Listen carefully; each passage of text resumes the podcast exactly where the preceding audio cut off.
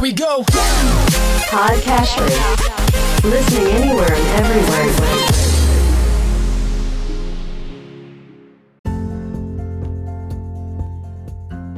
Welcome to Weekly Investment Podcast bersama saya Ferdian Syahputra dari Ispring Investment Indonesia untuk Prudential Indonesia. Hingga 17 Maret 2022, perang antara Rusia dan Ukraina telah masuk hari ke-22. Pertempuran pun masih berlanjut, di mana pasukan Rusia hingga saat ini masih terus menggempur kota-kota di Ukraina. Tercatat lebih dari 1.700 warga sipil tewas dan 3 juta orang telah mengungsi. Meskipun perang masih berkecamuk, pembicaraan damai antar dua negara yang bersih tegang tersebut masih terus bergulir.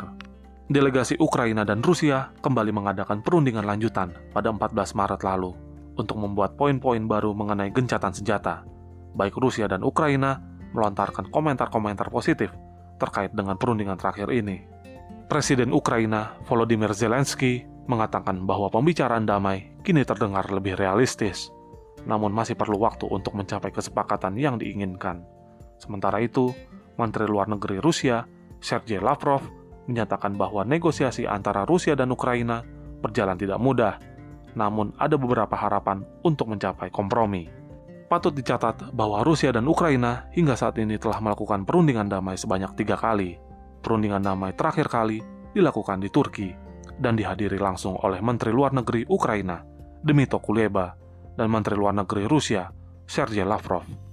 Perundingan yang berlangsung selama satu setengah jam tersebut dilaporkan gagal dan hanya menyepakati beberapa poin mengenai gencatan senjata sementara untuk evakuasi.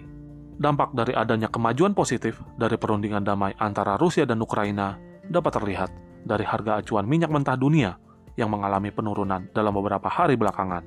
Harga minyak mentah Brent dan West Texas Intermediate serempak diperdagangkan di bawah 100 dolar Amerika Serikat per barel berkebalikan dengan harga komoditas yang cenderung turun karena peluang damai antara Rusia dan Ukraina, justru indeks harga saham di berbagai negara mencatatkan kenaikan, termasuk di Amerika Serikat, Eropa, dan juga Asia.